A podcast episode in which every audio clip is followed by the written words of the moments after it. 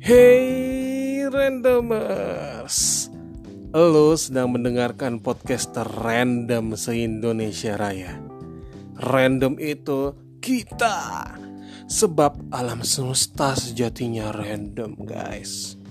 Bersama saya Rio bakalan nemenin kamu beberapa menit ke depan untuk merenung, ngabisin waktu macet, dan nambahin kegiatan berfaedah kamu hari ini. Asik kan, asik kan?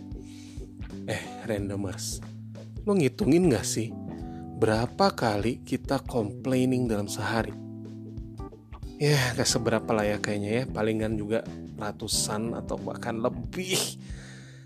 Well, dari banyaknya komplain kita, ada nggak yang berfaedah? Barangkali bikin kenyang gitu mungkin. Mungkin bikin ngurusin badan. Atau mungkin bikin rambut jadi fabulous mungkin. Enggak lah ya. Kita semua tahu. Nggak ada faedah yang bisa kita dapatkan dari komplain. Bahkan, hasil penelitian dari universitas yang namanya kalau disebut bikin lidah belibet complaining ternyata bikin bagian otak tertentu menciut. Bagian otak ini yang bertugas ngambil keputusan.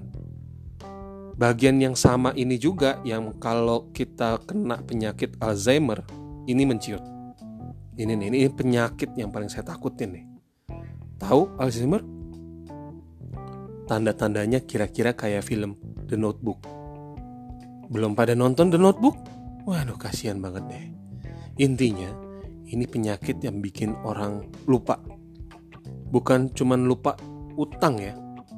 Itu mah lo aja yang kesenangan kayaknya.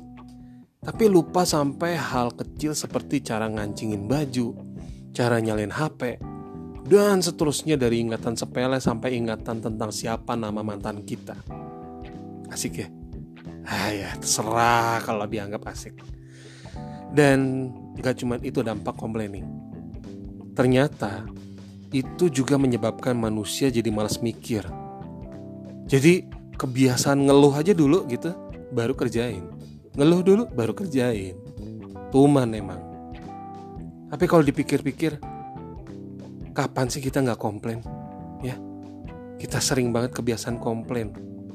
Nah, apa sih yang sebenarnya menyebabkan kita gampang complaining, gampang ngeluh?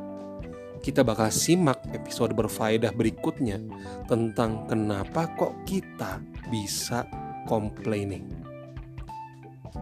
Saya Rio, stay tune. Talk to you soon.